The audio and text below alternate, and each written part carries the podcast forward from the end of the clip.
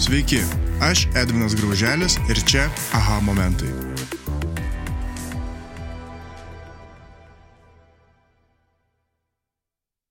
Šiandieną sveikinuosi su labai įdomi žmogumi. Tai kadangi dabar pradame įrašinėti iš antro karto, tai iš karto prisiduodu klausytojams.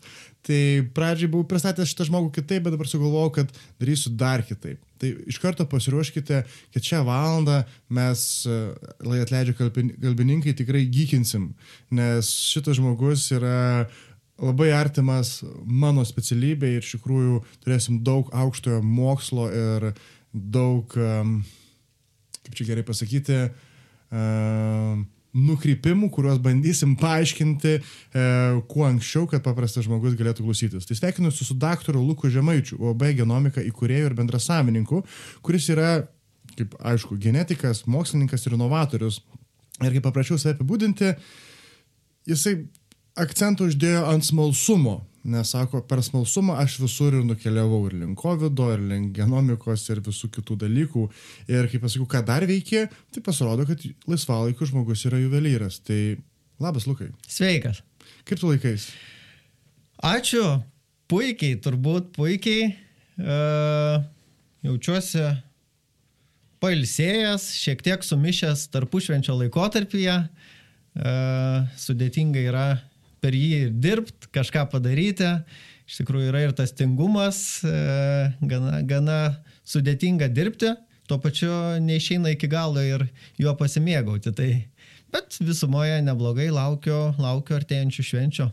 Tai dabar liko tik naujakas, jau kas reiklauso, tai mes esame grinai, grinai tarpušventyje, tai kalėdinių sveikinimų nebedalinsim jau, bet Bet dar vienas kitą pasveikinti galime iki trijų karalių. Tai... Žinok, laida išeis jau po trijų karalių. Supratau, tai jokių sveikinimų. Jokių sveikinimų, viskas, susigražinam sveikinimą savo. Tai, Lukai, aš tave neveltui pasikviečiu čia, aš iš tikrųjų labai žaviuosi žmonėmis, kurie, uh, nu čia lai Vilniečiai nesupyks, kuria be technologijų verslą ne Vilniuje. Nes aš turiu tokią lengvą nesakysiu gal nuoskaudą, bet pasakiau jau, tai kad pagrindė viskas sukoncentruota Vilniuje yra, žinai, pavadinkim, dvi didžiausias bendrovės, kurios susirinka esminius finansavimus ir man labai gražu matyti, kai Kaune irgi atsiranda be technologijų verslai. Beje, galiu vadinti tavo verslą kaip be technologijų verslu. Tikrai taip. Tikrai taip, ok.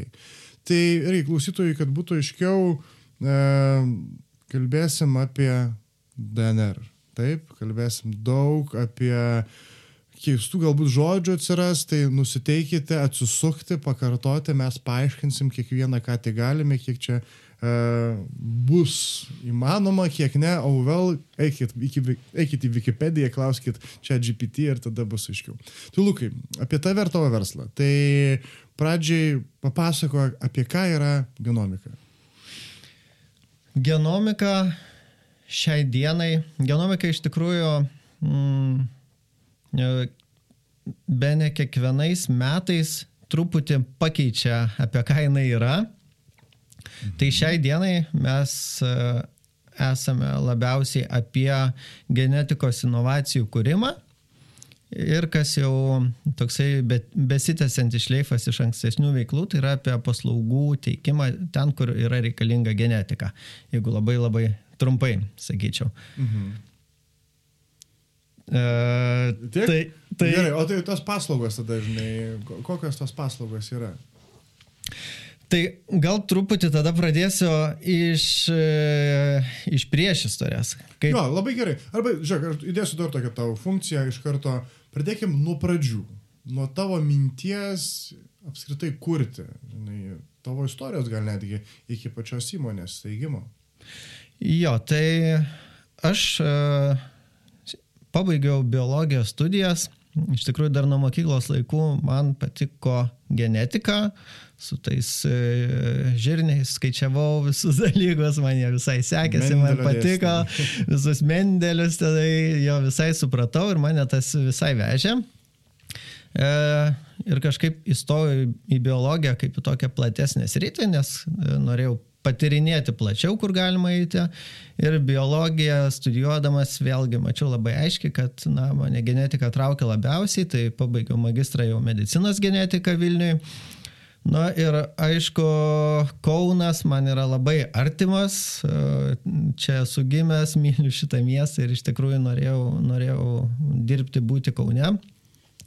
Tai doktorantūros studijom grįžau į Kauną, pradėjau LSMU studijuoti doktorantūrą.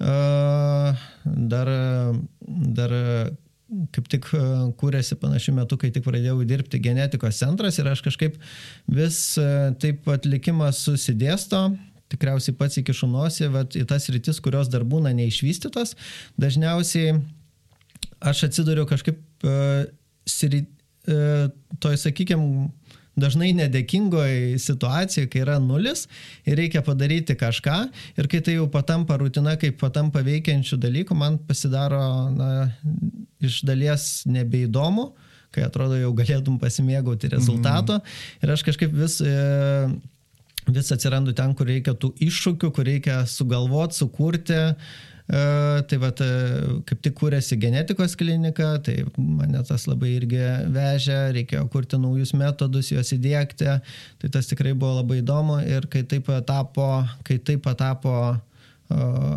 rutina, kai tiesiog galėjai mėgautis tuo, kad viskas veikia, funkcionuoja ir toliau ramiai dirbti, aš e, išėjau iš to darbo ir įkūriau, įkūriau startuolį, kuriam aš supratau, kad tikrai turbūt galėsiu savo užtikrinti, kad visą laiką reiks daryti kažką naujo, ieškoti mm. kažko naujo ir negalėsiu užmigti ir pasimėgauti e, ramiau e, gyvenimu. Tai aš tikriausiai ieškau to, to neapibrieštumo, ieškau tos neramybės ir ieškau, mm -hmm. kur mhm. galiu kažkokį kūrybinį savo potencialą padėti. Tai va, tai dirbdamas klinikose, to pačiu ir universitete, dėstydamas, sutikau studentą vieną, e, su kuriuo vis po paskaitų užsidiskutuodavom apie genetiką, apie tai, kokia jinai yra. Iš tiesų, e, genetika yra labai įdomis rytis tuo, kad dar kai studentams skaitydavau paskaitą, sakydavau, kad ką aš jums pasakoju dabar, tai jūs tiesiog turite išmokti suprasti, kaip skaityti genetiką, kaip ją domėtis, kaip suprasti ją, bet neturite išmokti technologijų, metodų ar bet ko, ką aš aiškinu, nes tai bus genetikos istorija, kai jau pradėsite dirbti. Tai iš tiesų genetika be proto greitai keičiasi. Per penkis metus iš tiesų labai daug kas buvo genetikos naujovė, patampa genetikos istorija. Mhm. E, tai, e, tai sutikau va studentą, su kuriuo vis diskutuodavom apie ateities genetiką, futuristiniais e, tokiais, ne tai, kas yra dabar, o kas bus ateityje. Tai kažkaip įsikalbėjom ir e, kaip tik, kai baigiau darbą klinikose, e, Kauno įkūrėme startuolį, genomiką. Mhm.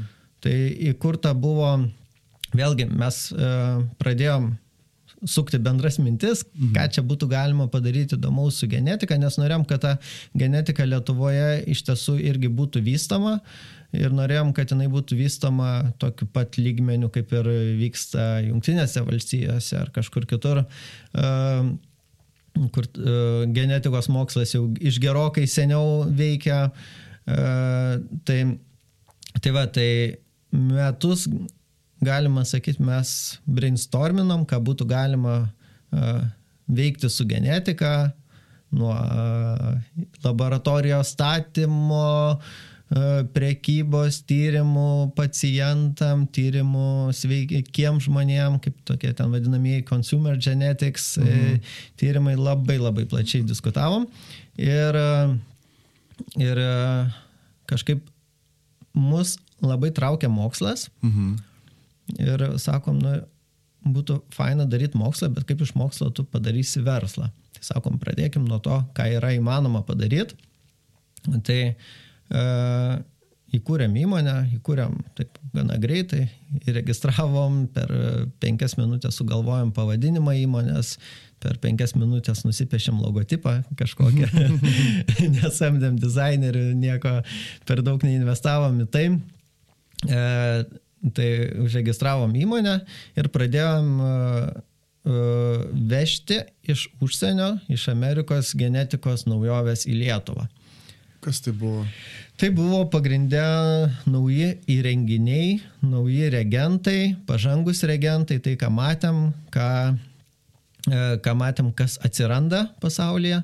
Tai, pavyzdžiui, irgi vienas iš tokių tyrimų buvo, nežinau, kiek, kiek girdėta sritis yra, tai yra skistoji biopsija, truputį paaiškinsiu. Mm, tai yra prašai. tyrimas, kai E, vėžių sergančiam pacientui nereikia daryti biopsijos, kartais yra net neįmanoma paimti arba labai rizikinga paimti, skausminga procedūra.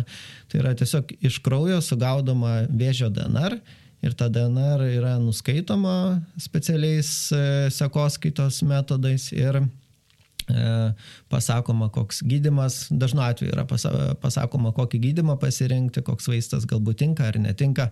Tai e, kai JAF FDA tokia yra reguliuojančia institucija, tyrimus, kaip patvirtino pačią pirmąją skistąją biopsiją, po nepilno mėnesio jau Lietuvoje turėjom pirmą pacientą, kuriam buvo padaryta. Tai mums tas labai patiko, kad padarėm tokį tiltą mhm. uh, Lietuva, Amerika ir, ir padarėm tą tiltą su, su to, tom pažangiausiam genetikos laboratorijom ir galėjom čia jau pirmi pradėti tyrimus, tada pradėjome vežti reagentus, kurie matėm, kad yra labai pažangos, na ir spręsti problemas, kurios reikalingos laboratorijoms.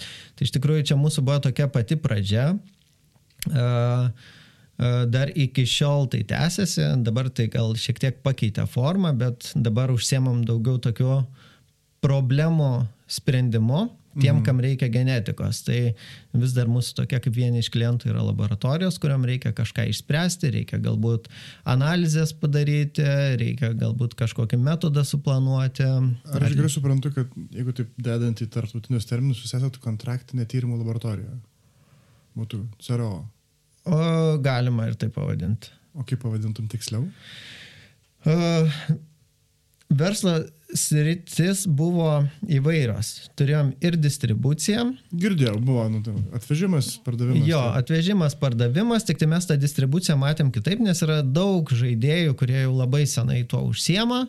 Ir mes nenorėjom prekiauti pipečių antgaliais, mėgintuvėliais ar dar kažkokio, kas, komerciškai būtų naudingiausia, mes norėjom į inovaciją žiūrėti. Mhm. Tai mes ieškojom pačių įdomiausių reagentų, pačių įdomiausių metodų.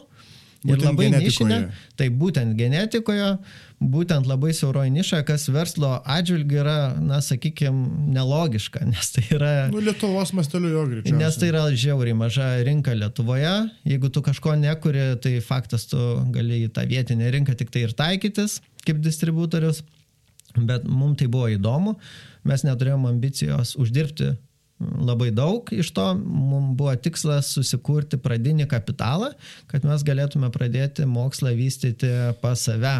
Tai mes taip ir susikūpėm savo pradinį kapitalą iš tiesų.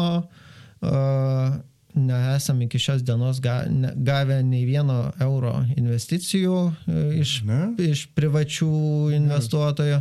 Tai va, tai va, tiek aš, tiek e, mano kolega e, susidėjom po gal 2000 eurų pradžiai ir tai buvo visos, visos mūsų išlaidos į, įkuriant genomiką, vėliau prisijungė dar vienas kolega irgi su savo įnašu. Tai dabar esam trys, e, trys įkūrėjai įmonės. Mhm. Tai kaip jau ir minėjau, gal net ir pristatysiu.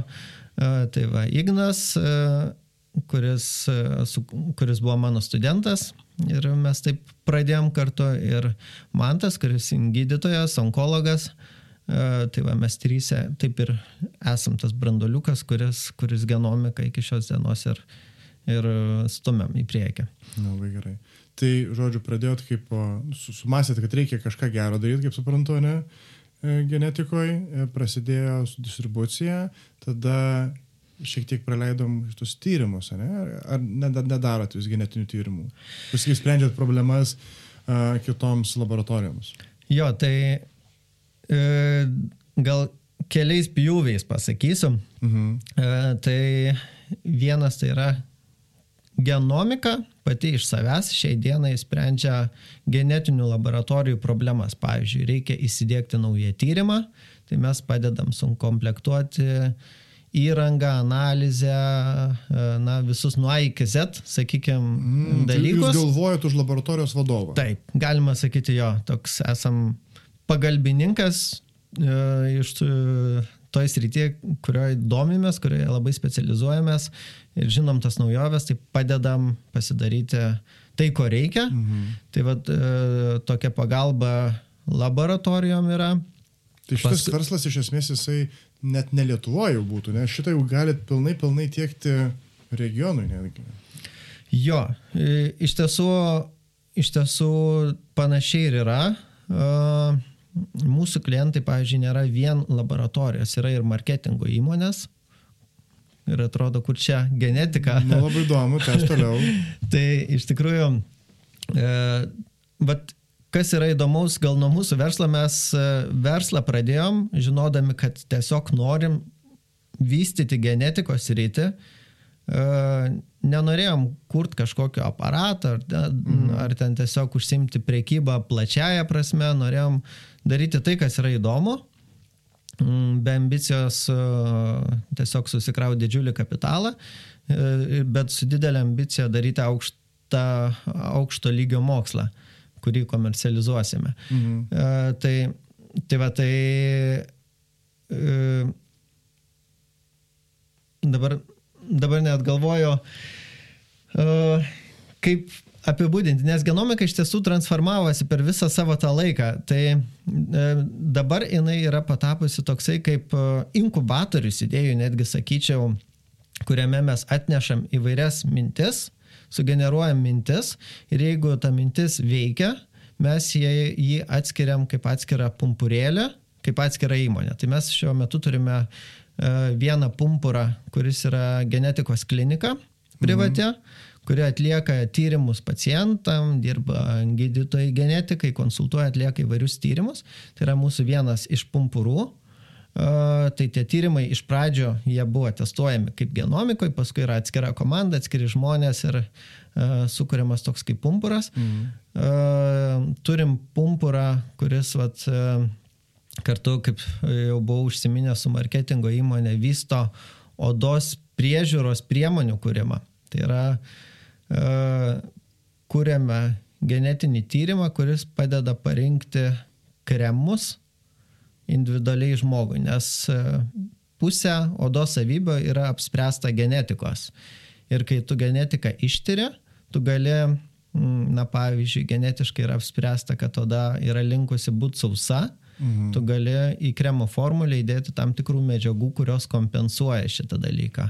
Arba oda yra linkusi į oksidacinį stresą, tai daugiau į tą formulę reikia įdėti antioksidanto. Tai dabar genetika ateina praktiškai bet kurią sritį, kur pirštų bebesi. Mhm. Netgi į kompiuterius, ką mes paskutiniuoju metu dabar darome. Tai iš tiesų sinergija gali rasti su bet kuriuo verslu. Tai būtent toks grinai mūsų yra verslo modelis B2B. B2C bandėme, bet supratome, kad ne mūsų yra. Tai teko uždaryti šitą, šitą veiklą. Buvo na, gana skausminga, nes tai buvo iš pačių sunkiai uždirbto kapitalo, nemažai suinvestuota nu, ir kažkada priemėm sprendimą, kad metam iš šiukšlių dėžę šitą idėją. Mm. Tai, tai tokių, tokių aha momentų, kaip čia jau mm. ir, ir kalbame, tai tikrai, tikrai buvę, kai, kai suvoki, kad darai ne tai, Nes verslas yra turbūt tas, tas kelias, kur niekada, niekada nėra auksinės formulės, nėra auksinių taisyklių, jis yra individualus, su labiau patyrusiais verslininkais, užauginusiais didelės įmonės, vėlgi gali labai daug patirties pasisemti, bet man yra įstrigusi viena frazė girdėta, kad sako, nu, aš sako, negaliu jums nieko uh, daug patarti, nes sako, verslas, kurį aš dariau prieš dešimt metų, dabar sako yra visiškai kitaip, tai jūs čia turit eiti ir žaisti. Tai mhm. iš tiesų pasaulis nuolat keičiasi ir čia taisyklių nėra, čia iš tikrųjų yra labai daug kūrybos ir, ir ieškojimo ir klaidų ir tas, tas kelias jisai visą laiką yra okay. banguotas. Okay. O tai ką, ką uždarėt, kas ten buvo tas per B2C verslas? Uh, nežinau, mm, uh, gal gal yra tekę girdėti tokius populiariuosius testus, jie yra labai populiarūs JAV, tokie kaip 23andMe, MyHeritage My Heritage, ir panašus, kurie leidžia pasidaryti genetinį tyrimą, labai platų ir pasakyti labai labai labai daug genų apspręstų savybių, pavyzdžiui, apie sportą, apie fizinį pajėgumą, apie maisto įvairius toleravimus, netoleravimus. O tai mes jau, jau, jau yra, galima taip matyti, yra tie markeriai konkrečiai nurodantys, kur kokia savybė, nu, fiziškai pasirodanti. Jo, iš tiesų yra ir sportininkai tikrai, ypač aukšto lygio atletai, tikrai darosi genetinius tyrimus. Mm, tai mūsų netgi ir buvo ta pagrindinė kryptis B2C sektorija tai sporto genetinis tyrimas. Galvojom, galvojom kad čia nu, perspektyvų, įdomu, tai paleidom tokį produktą, jį, jį galima sakyti patys nekūrėme, pasėmėme iš anglo, white labelį mm -hmm. ir bandėm čia prekiauti. Ir tada susidūrėme su ta realybė, kad na, neturime daug patirties pardavime tiesiogiai e, klientui, e, plačiai auditorijai. Tada suvo... taktika. Ir e, suvokiam dar vieną realybę, kad mes pradėjom per anksti. Rinka dar nebuvo užaugusi, jinai nežinojo tokių dalykų, nes mhm. mes tą darėme prieš tris, galbūt, met, gal net ir daugiau, gal, gal ir keturi metai e, atgal tai rinkoje tai buvo kažkas visiškai naujo. O kai tu ateini į rinką su visiškai negirdėtų dalykų, tu turi labai daug investuoti, kad ją išmokinti, išaiškinti ir, na, paskatinti norėti šito dalyko ir tik tada tu gali pardavinėti. Tai nesuvokiam to dalyko, kas yra rinka, kaip jinai veikia, bet gavom labai gerų, gerų pamokų, kaip elgtis toliau. Ir tiesiog buvo per anksti, aš manau, šitas rytis Lietuvoje vystysis, e, jau yra kas pradeda vystyti, matom ir aš manau, kad tikrai, tikrai jinai auks, užsienį yra jinai populiari. Ir mhm. taip, genetika labai daug gali pasakyti iš tiesų tiek apie fizinį pajėgumą, tiek apie, apie dar ką, bet mes iš B2C sektoriaus nutarėm pasitraukti.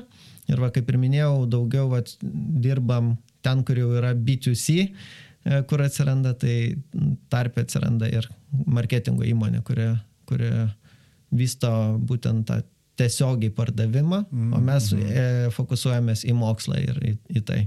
Žodžiu, tokius kaip ir partnerius pasimat, kurie padaro juodą darbą su klientais, o jūs tiesiog duoda tą vertę kūrintį produktą. Jo, e, gal, gal mes labai savo aiškiai įsivardinom, kad mus veža mokslas, mhm. mus veža domėjimasis inovacijomis, mes turim supratimą apie verslą kažkokią, E, bet e, mes nenorim labai stipriai užsiminėti, na, pardavimais, e, netgi, na, čia yra, galima būtų pasakyti, kiekvienos įmonės privalomas komponentas yra pardavimų žmogus, mes tokio neturim iki šios dienos. O Bet tai kaip klientus randat? Klientai dažniausiai ateina iš lūpų į lūpas Bet čia ir turit kantrybės turėti labai daug. Tada. Jo, mes kan, kantrybės turim. E, tai vienas yra iš tokių kelių. Mes aktyvaus kažkokio marketingo nedarom, bet ta bendruomenė genetiko, na kaip pažiūrėsi, jinai nėra kažkokia labai beribio dydžio. Lietuvoje kiek, kokie 50 žmonių? Nu, kažkas turbūt tokio. O Europoje? O Europoje yra tikrai daugiau. Tai vat ir... Bet tikrai daugiau negu 50. Tikrai daugiau negu 50, skaičius nepasakysiu. Bet uh, iš tiesų tas uh, organiškai auga, tiesiog pradedi bendrauti su vienu partneriu, uh, kažkokią mintį pradedi viniot, pradedi kažką daryti, atsiranda, iš to atsiranda kitas dalykas, iš to atsiranda dar kitas dalykas. Tai iš tikrųjų taip plėsdami kontaktus, uh, organiškai ir atsiranda daugiau veiklos, atsiranda daugiau projekto ir kažkaip pavyksta tokiu, sakykime, keistų verslo modelių veikiant, tikrai turėti, nesiskundžiam, šiai dienai klientūros tikrai jos yra, tikrai yra užsakymų, tikrai yra planų, planų ir ateičiai, tai kažkaip keistai, bet vėlgi, kas yra įdomaus, mes nei, na, nei vienas nesam tikras verslininkas, mes atėjai iš mokslo. Mhm. Mūsų įmoniai mm, visi beveik yra, na, neskaitant ten administracijos, e, tam tikrų žmonių visi yra mokslininkai. Tai, tai kiek na, dabar jūsų yra? Mes aštuoniese. Aštuoniese, tai va iš jų du, du yra nemokslininkai tik tai netgi apskritai neturi nu, tokio panašaus įsilavinimo, turiu menį, taip? Taip. Kur, okay, įdomu. Tai va, tai mes, e, mes verslą mokomės, e, kaip daryti verslą mokinamės po truputį ir mes, e, na, net mūsų ir ambicija ir yra tokia gal daugiau mm, daryti tai, kas įdomu, kas mus veža. Ir tikim, kad genetika yra ateitis.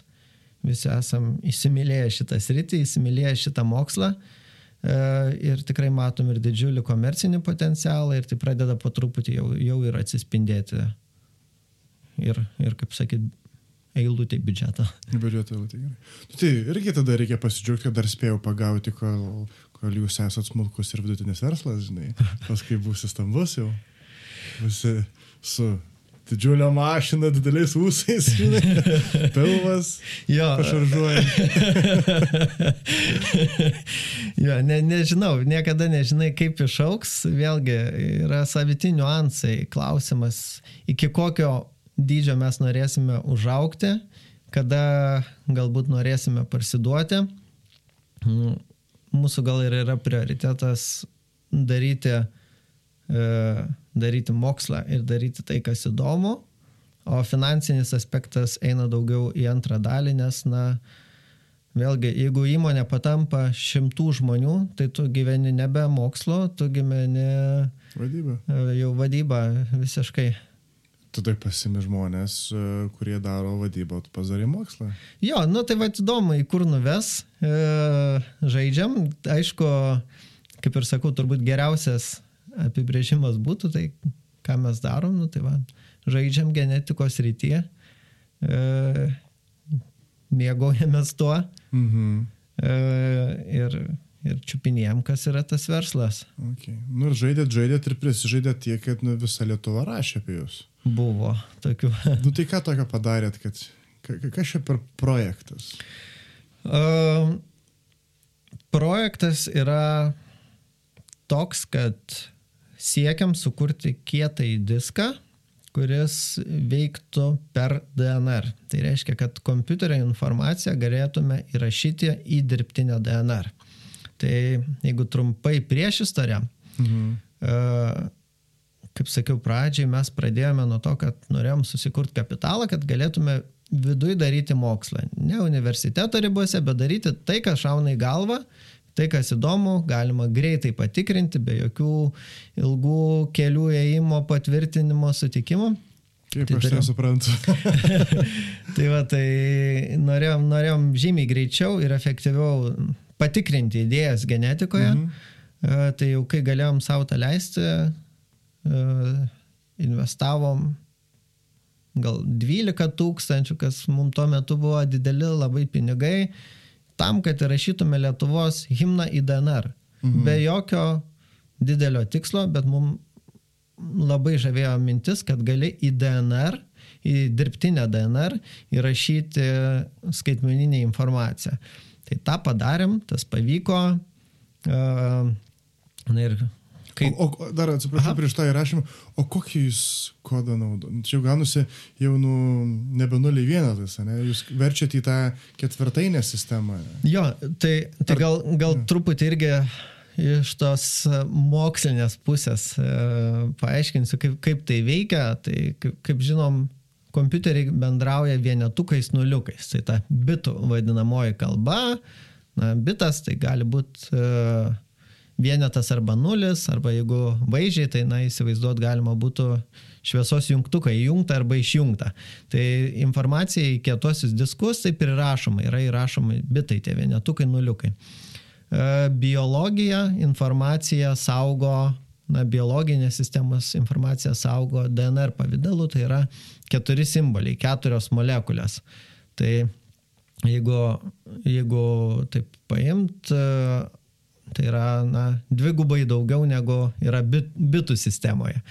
Tai konversija yra labai paprasta. Vienetukus nuliukus paverti į ATGC, kas yra DNR, DNR raidės. Tai jeigu dar tokiu vaizdžiu pavyzdžiu, tai mm, kas yra ta DNR? Nes labai dažnai žmonės iš tiesų klausia, kai mes papasakom apie šitą technologiją, tai iš kur jūs paima tą DNR? Ar čia yra į žmogų įrašoma, ar tai yra paimama iš žmogaus? E, tai iš tiesų ta DNR yra gaminama tiesiog chemiškai, tai yra kaip lego kaladėlės. Jeigu įsivaizduotume keturių spalvų lego kaladėlės, vieną prie kitos tu gali jungti norimą tvarką. Tai lygiai taip pat kaip tu kompiuterio kodą irgi tu gali perskaityti, pažiūrėti, koks ten yra kodas ir norimą tvarką su šitom keturiom lego kaladėlėm sudėlioti DNR, dirbtinės DNR seką. Tai tokiu, tokiu principu veikia informacijos įrašymas į DNR. Tai yra įrenginiai, kurie sugeba uh, pagaminti mhm. tą DNR ir yra įrenginiai, kurie uh, gali nuskaityti tą DNR. Tai labai grubiai tariant, tai yra tokie du kertiniai uh, aspektai, kad šita technologija galėtų būti naudojama. Tai AT0, o GC1. Galima ir taip. Iš tikrųjų, koduotės yra ženkliai sudėtingesnės, nes čia yra dar e, biologiniai aspektai, kurie veikia. E, tai yra gana sudėtingos kodavimo schemos, kad konvertuoti bitus į e, genetinį kodą. Ir galvoju, sakau, aš atsimenu, kai mokėmės, bros, ar bioinformatiką, ar, ar, ar aukštai matieką, kai buvo, žinai, mokėme šitą sistemų perėjimą, žinai, iš dviejatainės sistemos į ketvirtainę sistemą, tada į dešimtainę sistemą, kaip, žinai, naudojat ir šitus tokius modelius, ar kažkaip kažką kito sugalvojot? Uh, iš tikrųjų, skirtingas strategijas naudojam, nes e, nenoriu labai daug eiti į techninę specifiką, mm, nes uh, galima įrašinėti DNR į viengrandę, dvigrandę DNR, e, įvair, įvair, įvairūs yra aspektai, įvairios klaidų korekcijos modeliai, įvairūs atkūrimo modeliai, nes e, visi etapai tiek DNR sintezė, tiek nuskaitimas daro klaidas, tai dar turi nešti papildomos informacijos. Yra procesas kur kas e, kompleksiškesnis konvertuojant negali taip tiesiog aklai padaryti, kad vienetukas yra A, o nuliukas yra ten C, tarkim, ir mhm. tokią grandinėlę lipdai iš dviejų nukleotidų. Taip, taip neveikia iš tiesų. Tai čia yra atskiri matematiniai modeliai su labai baisiomis formulėmis, kaip, kaip yra tas daroma. Bet, Geras. Jo, tai va, tai čia yra ta tokia, tokia sakykime, matematinė dalis. Tai va, tai grįžtant prie tos visos pradžios, tai įrašėm tą Lietuvos himną, nu ir galvojam, pašviesiam visuomenę tiesiog kad yra įmanoma. Mhm. Norėjom parodyti, kad va, žiūrėkit, kas yra įmanoma, nes Lietuvoje dar toli gražu niekas apie tai nekalbėjo, pasaulyje gal yra dešimt žmonių, kurie toje srityje dirba. Tai, tai norėjom parodyti, ką gali genetika, ne kur jinai yra šiandien, bet kur jinai galbūt bus ateityje. Uh, tai įrašėm himną, sekančiais metais uh, kartu su menininko buvo nutapytas Čiurlionio autoportretas, kur į jo dažus buvo įmaišyta irgi DNR, kuriame įrašyti visi Čiurlionio darbų. Čia jau marketingas. Jo, jo tai, tai patapo, galima tai sakyti, įmonės kaip ir marketingu netiesiogiai, bet iš tiesų darėm dėl to, kad vėlgi mums mm, Mums buvo labai įdomu ieškoti kažkokių formų, jungiant nesujungtus dalykus, nes iš tiesų tikime, kad būtent inovacijos ir atsiranda, kai tu sujungi prieš tai nesujungtus, bet egzistuojančius dalykus. Tai e, e, Pavyzdžiui, pats paprasčiausias dalykas, mėgstu šitą pavyzdį, tai yra kažkas sugalvojo sujungti akmenį su pagaliu ir pagaminti plaktuką, kuris pakeitė pasaulį. Elonas Maskas irgi nesukūrė kažko tokio visiškai, va sėdėjo, meditavo ir sugalvojo, va padarysiu Tesla automobilį. Ne, egzistavo automobilis, egzistavo baterija, egzistavo elektrinis variklis. Kaip nupir... tuos... Šiaip jis nupirko netgi.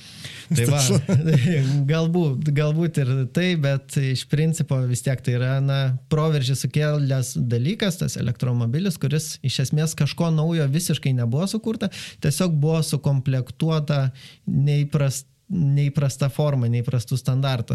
Tai mes kažkaip tą ir bandom vis jungti menininkus, jungti mokslininkus į bendrą sumesti bendrą katilą ir pabandyti sukurti kažkokį bendrą projektą. Tai tapo tokia mūsų kaip ir tradicija e, įdomi prasiblaškimui, tuo pačiu pagarsinimui, na ir Lietuvos vardo pagarsinimui, nes tikrai ir užsienio žiniasklaida apie tai parašo, tai tikrai, tikrai yra įdomu.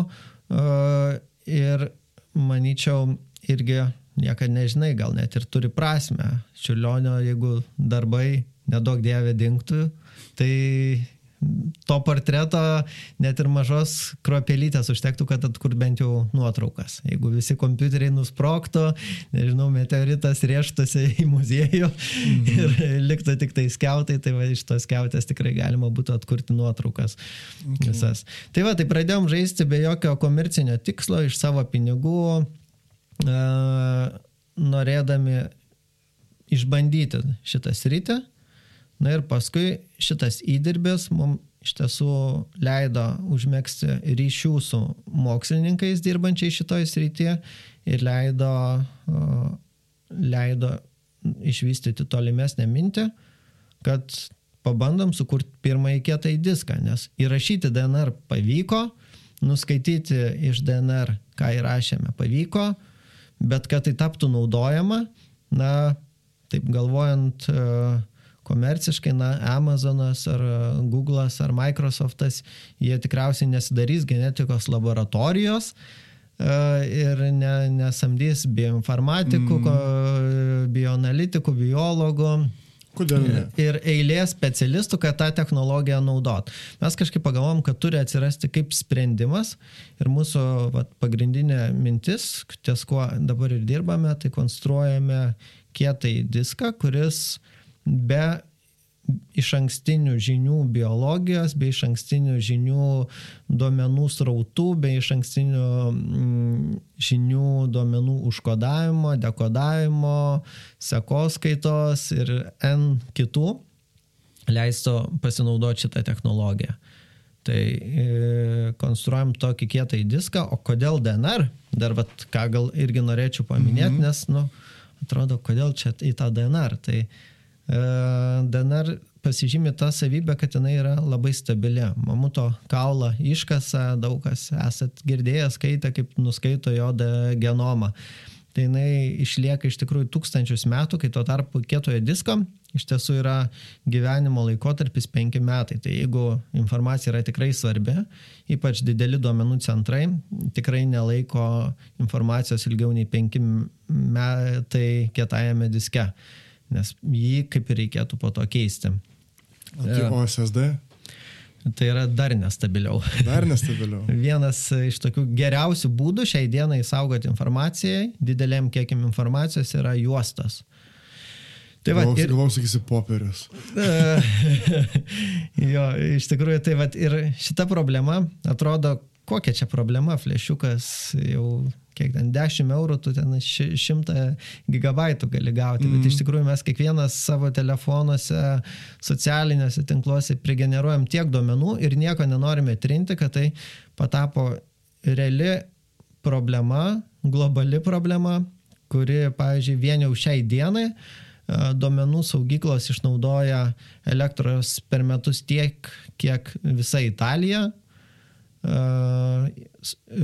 išmeta CO2 tiek, kiek 44 milijonai automobilio mm. CO2, naudoja begalę vandens, nekalbant apie tai, kiek reikia retų metalų ir visko, medžiagų kietiesiems diskams gaminti. Tai mm. faktas, kad reikia kažkokių ieškoti sprendimų, kaip informaciją uh, talpinti ženkliai kompaktiškiau ir ženkliai efektyviau. Tai DNR nereikia elektros, jinai labai yra ilgamžė, e, technologijos labai greitai tobulėja jos nuskaitimui ir rašymui.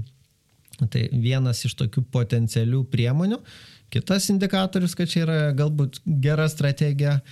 Tai yra technologija, kurią pasirinko gamta ir vystė jau milijardus metų. Atrodo, mes tarsi dabar tarsi darome kažką labai naujo, bet iš tiesų tai yra technologija, kuri vystyta milijardus metų.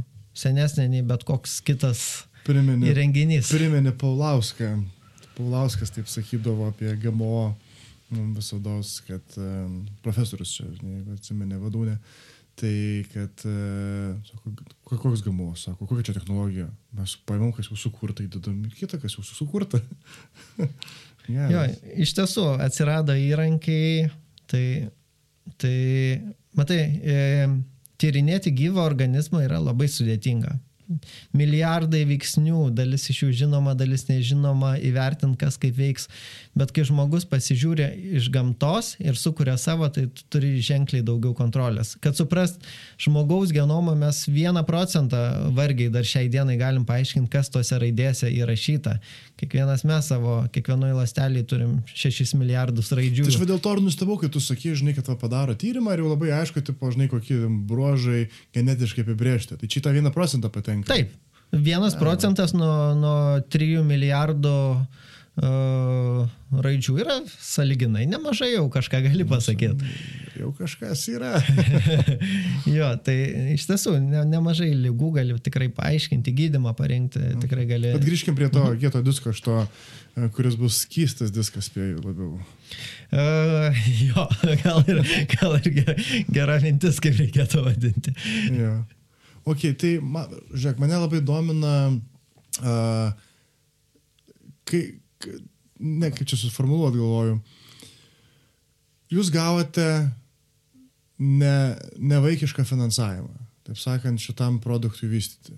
Ir, žinai, ir kaip, kaip girdžiu, uh, potencialus klientai tavo su kolegomis nusimato iš tikrųjų pasaulio verslo gigantai. Tai yra netgi tas pats, kai sakai, žinai, ar Bezosas, tarkim, darytų um, be technologijos arba be informatikų labę, žinok, aš netgi tokia mintis užgimė, jei aš gerai atsimenu, jis yra vienas labiausiai investuojančių į um, šitą ant, antisenėjimo tyrimus. Jis tenas šimtus milijonų jau yra sumerkęs į tą. Tai žinai, jeigu dar čia jo akis kažko pamatytų, tiesioginės Amazon investicijos, why not? Bet žodžiu, grįžtant prie, prie to, ką, ką, jūs padarėte tokio, ar kaip tai, koks procesas vyko, nes vis tiek mano ir podcast'e viena iš tų minčių yra, kad tas, kas klauso, galėtų edukuotis ir po pačio podcast'o metu, ar ne, kiltų naujų minčių ir tą populiarinti verslą, verslumą ir kompetenciją šitas. Tai ką padarėt? Kokie žingsniai buvo, kad nu, laimėtumėt šitą finansavimą? Tai gal, sakyčiau, toks pagrindinis momentas tai yra daryti tai, kas tau yra įdomu. Nes jeigu tu mm, darysi verslą dėl verslo, nu, tai e, finale tikriausiai tapsi įkaito, e, galbūt turėsi pinigų, bet nejausi malonumo e, tame dirbdamas. Tai mes labai aiškiai, galbūt nusibraukdami tam tikrą finansinį gerbuvį savo verslo pradžioje, e, sunkiau pradėdami pradžioje, būtent fokusavomės į tai, kad norim kurti genetikos inovacijas, norim daryti mokslą genetikos rytyje, nežinodami, kaip dar tą padaryti, bet pradėjom būtent ir žaisti, kaip sakiau, su ta DNR duomenų saugojimu, tai tie keli projektai su menininkais, e, bandymas nuskaityti, įrašyti. Bet šitie projektai jums negarantavo paskui finansavimo. Bet jie mums iš tiesų ir numinė kelią, nes su šitais įdomiais projektais mes įsibendravome, apie juos pakalbėjome, papasakojom užsienio partneriams. A, Tada užsienio partneriai sako, o įdomu, kaip čia jums pavyko, o pasidalinkit duomenimis, pradėjom dalintis, tada pradėjom kažkokią mintį vinioti, atsirado kiti žmonės ir tokiu būdu susikūrė mūsų komanda, kur e, šiai dienai esam mes e, iš Lietuvos, yra šveicarai, yra anglai, O. yra vokiečiai, yra austrai. Tai čia toks konsorciumas. Ir gavas. tai tapo visiškų konsorciumu, Wow, kuris nice. e, irgi yra labai, kas yra įdomu, iš visiškai skirtingų sričių. Tai yra robotikos specialistai, nanomedžiagų specialistai, IT infrastruktūrų, duomenų kodavimo.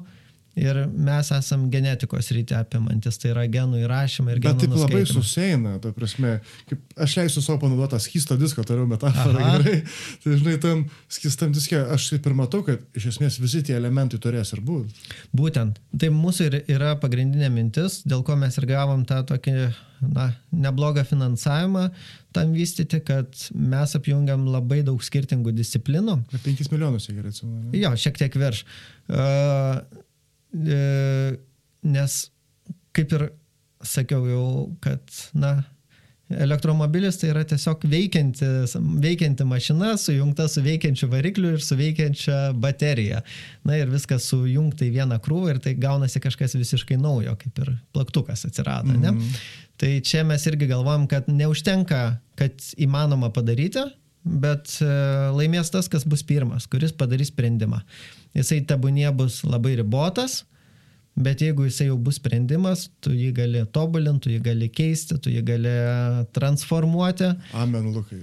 Aš, aš už šitą metodiką visada padarom paprastai, paskui tobulinam. Jo, tai va, tai mūsų mintis yra tokia, mes jau iš karto netgi įsidėjom tam tikrą saugiklį, e, konstruojam dabar tokią, kaip galima būtų įsivaizduoti spintą su daug stalčio. Kiekvienas stalčius atlieka tam tikrą funkciją. Vienas įrašo į DNR, kitas nuskaito, trečias saugoja DNR, ketvirtas dar ten atlieka kitas operacijas. Viskas čipe. Ne, viskas yra kambario dydžio spintoje. Kambario dydžio, wow. Ir toje spintoje, pa, tarkim, patobulėjo genų nuskaitimo technologija. Pavyzdžiui, šiai dienai, ar tai praktiška, nepraktiška įrašyti informaciją į DNR, nes kaina yra megabaitą įrašyti, na, grubiai tūkstantis eurų. Kol kas. Nuskaityti irgi, bet mes matom, kaip greitai viskas keičiasi. Ir darom būtent šitą sistemą taip, kad atpigo genų įrašymas, mes vieną stalčių išėmėm, įdėjom geresnį genų įrašymo aparatą į tą vietą. Atpigo nuskaitimas, pakeitėm nuskaitimo technologiją našesnę, jo. bet mums nereikia perkurti visos sistemos. Ok, šiaip, žinai, dar tu pasakoji ir aš bandau įsivaizduoti, jo brango, žinai, atsimenu sekvenavimo pirminės įrangas, kad ten, žinai, irgi šimtais tūkstančių kainavo tą. Taip. O dabar kiek ten, Ke- keli šimtai, ne? Na, pirmą genomą nuskaityti Virš milijardo buvo. kainavo e, virš trijų. Iš trijų. Virš 3 milijardo ir iš tiesų s- s- 20 metų užtruko, nes Jo, e, tik tai šiemet jau pilnai jį ir nuskaitė. Mhm. Skelbė ir anksčiau, kad nuskaitė, bet tikrai buvo daug sričių, kurių nesugebėjo nuskaityti. Šiai dienai nuskaityti yra, na, dienos dviejų mm, pro, procesas ir kaina tai yra. Aš dar biškai pagykinsiu. Dar pirolizė ar kitas uh, metodas? O, kelios yra technologijos. e, e, Aš trumpai tokį, kad, žinai, nes... Jo, jeigu, jeigu einant į niuansas, tai yra skirtingos technologijos, dvi tokias kaip yra įsigalėjusios, viena tai tokia, kuri imituoja PGR principą. Mhm. Ir detektuoja, kitas, kai yra per nanoporą leidžiama per tokią ploną, ploną nanoskersmens porą DNR siūlas ir matuojama įtampos įvairūs sviravimai ir pagal tai nustato kokią, kokią bazę, koks nukleotidas. Šitas atrodo techniškai patrauklesnis. Tai va mes juo labai tikimės, mes jį ir fokusuojamės. Ok, geras, geras, nice. Jo, tada grįžkime prie projekto.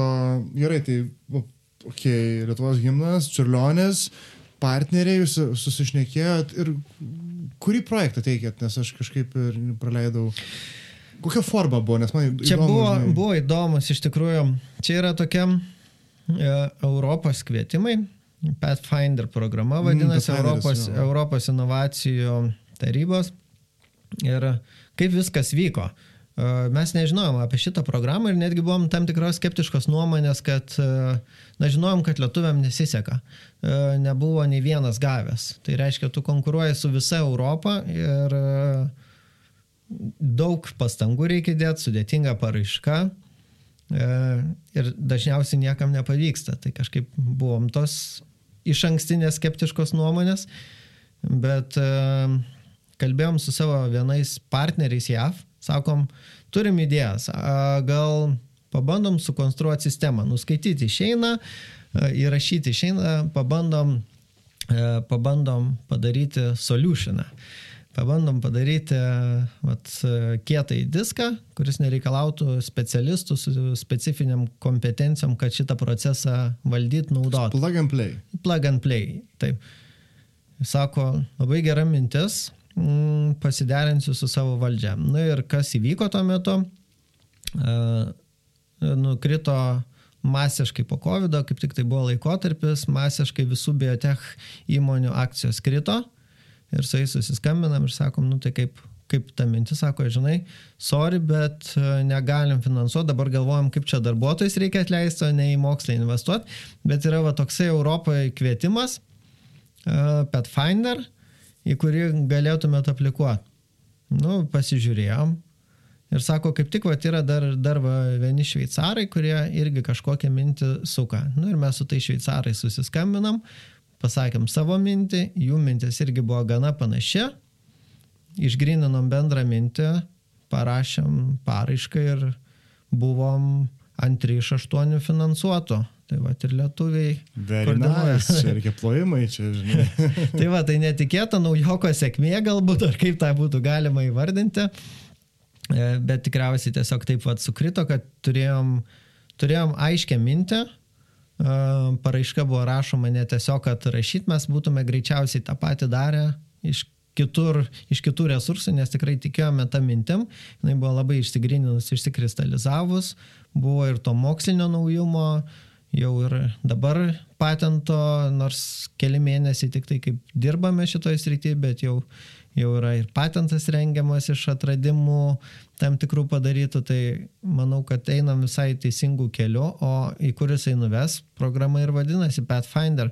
Tai mes netikim, kad tai galbūt bus jau tas galutinis dalykas, kuris pakeis viską, bet mes manom, kad šitam keliui, turėdamas aišku tikslą, aišku objektą, ką tu bandai sukurti, tu atrasi galbūt kelią, kaip efektyviau padaryti, kaip geriau padaryti, kaip kitaip įrašyti į tą DNR. Tai, mm. tai va būtent tam kelio paieškose ir esam, su, su vizija sukurti veikianti kietą į diską.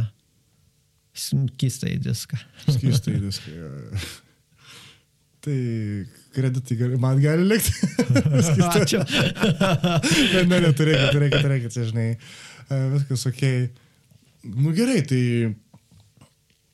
laimėjote, ne? Kas dabar? Kokie žingsniai?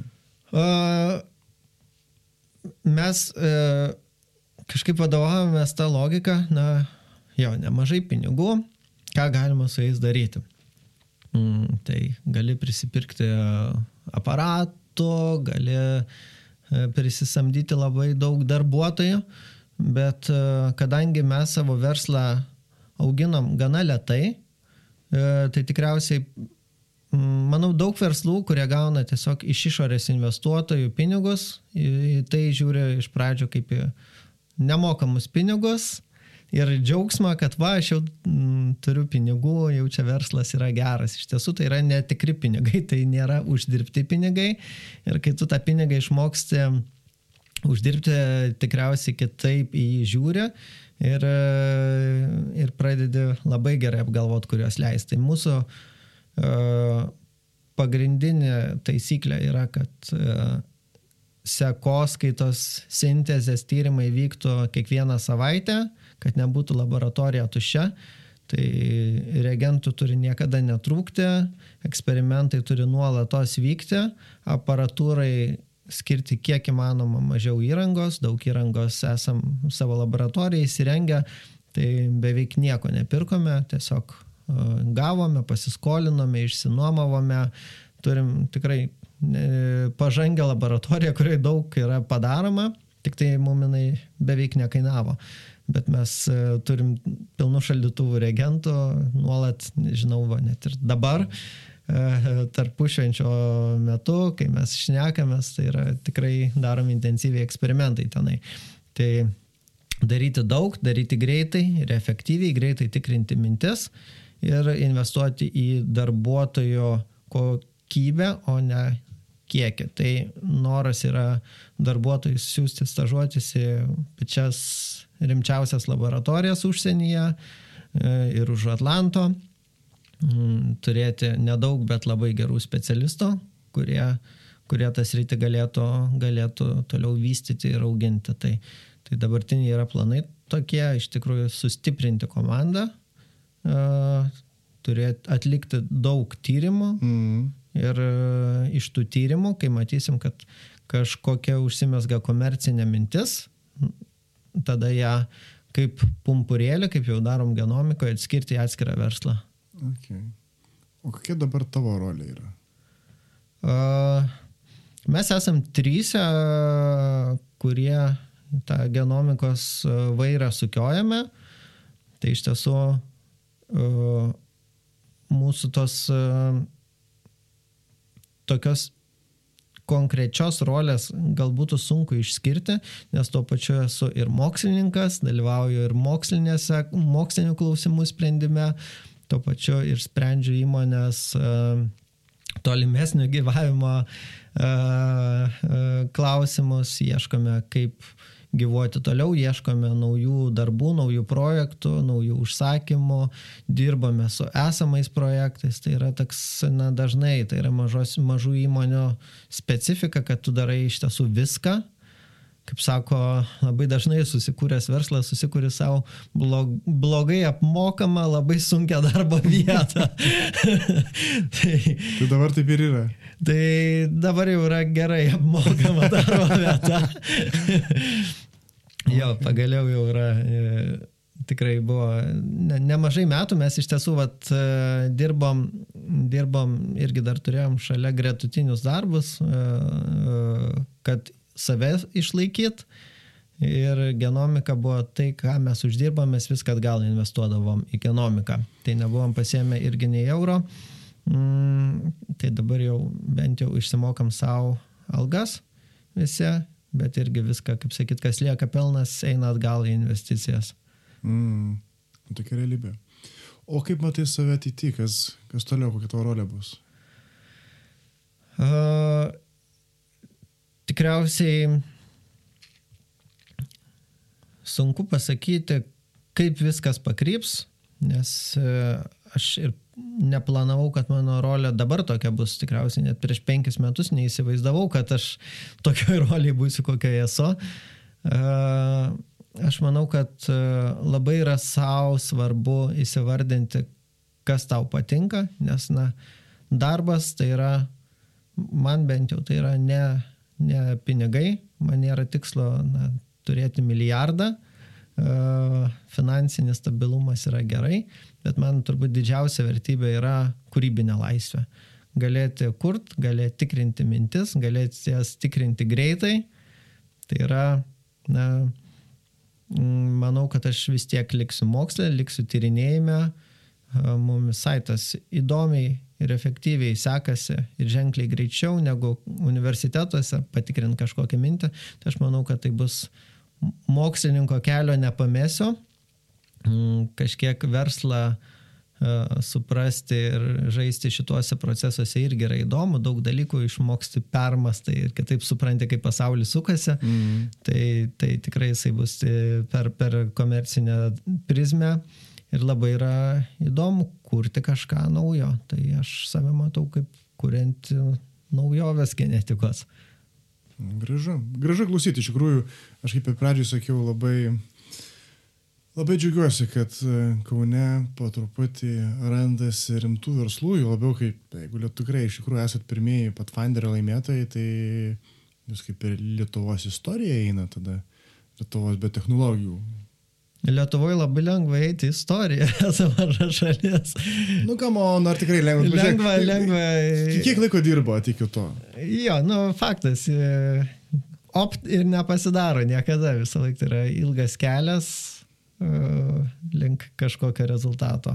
Paskui mm. kažkokiu būdu viskas pradeda veikti. Man atrodo, svarbiausia yra turėti, turėti idėją, ką tu darai ir ar tu tikrai to nori savo įsivardinti, o paskui viskas kaip ir gaunasi automatiškai tam keliu. Okay. okay. Tai žinok, laikas jų pabaiga, jau ta valanda suėjo, 60 minučių ir turiu pabaigai porą klausimų tau, jeigu nieko prieš. Tai jeigu taip reiktų išskirti tokius vieną gal, maksimum du tos aha momentus, kurie įvyko tavo gyvenime, kuriant genomiką, kas tai būtų? Dabar gerai atsikvėpsiu, nes nenoriu pasakyti bet ko. Ir pagalvosim. Uh, man gal toksai aha momentas buvo, kai aš suvokiau, kad uh, svarbiausia yra daryti tai, kas įdomu. Uh, nefokusuotis į finansinę kažkokią gerbuvę, nes ateis ir jisai. Jeigu darysi mm -hmm. tai, ko tu tiki, Ir jeigu tai darysi kaip sugebi geriausiai, tai man atrodo tiesiog visa kita paskui kažkokiu būdu tiesiog ir ateina. Okay. Kiek tų metų tuo metu buvo? Uh, nežinau. Įdomu, žinai, tas kontekstas tavo suvokimo.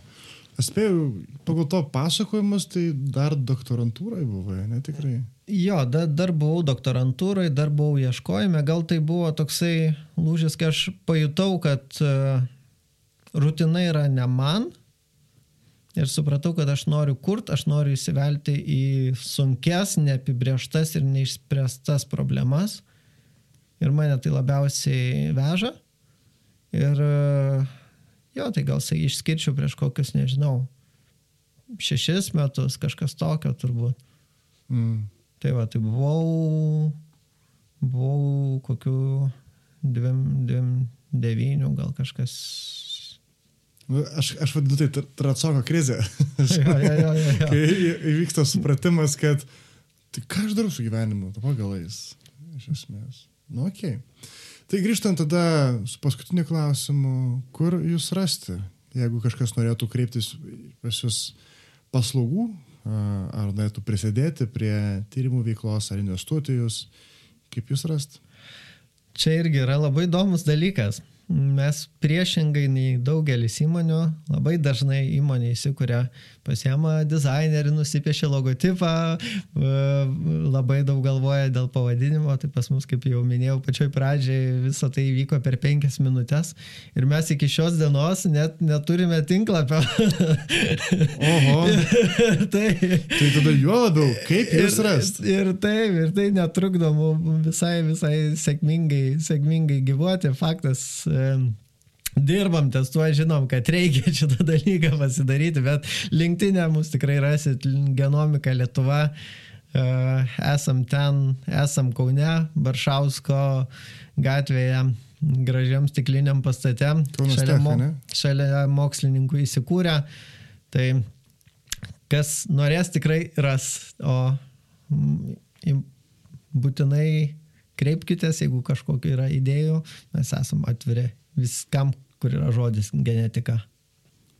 Ačiū Lukai tau, kad buvai. Ačiū tau. Norėdami prisidėti prie panašaus turinio kūrimo, prenumeruokite AHA Momentai tinklalaidę. Mūsų rasite Contribui platformoje Spotify bei Apple Podcast. AHA Momentus kūrė Garsas Modestas Kapustinskas, dizainas Greta Venskūnaitė ir žmonės kalbina coachingo specialistas Edvinas Grauželis. Visos teisės yra saugomos.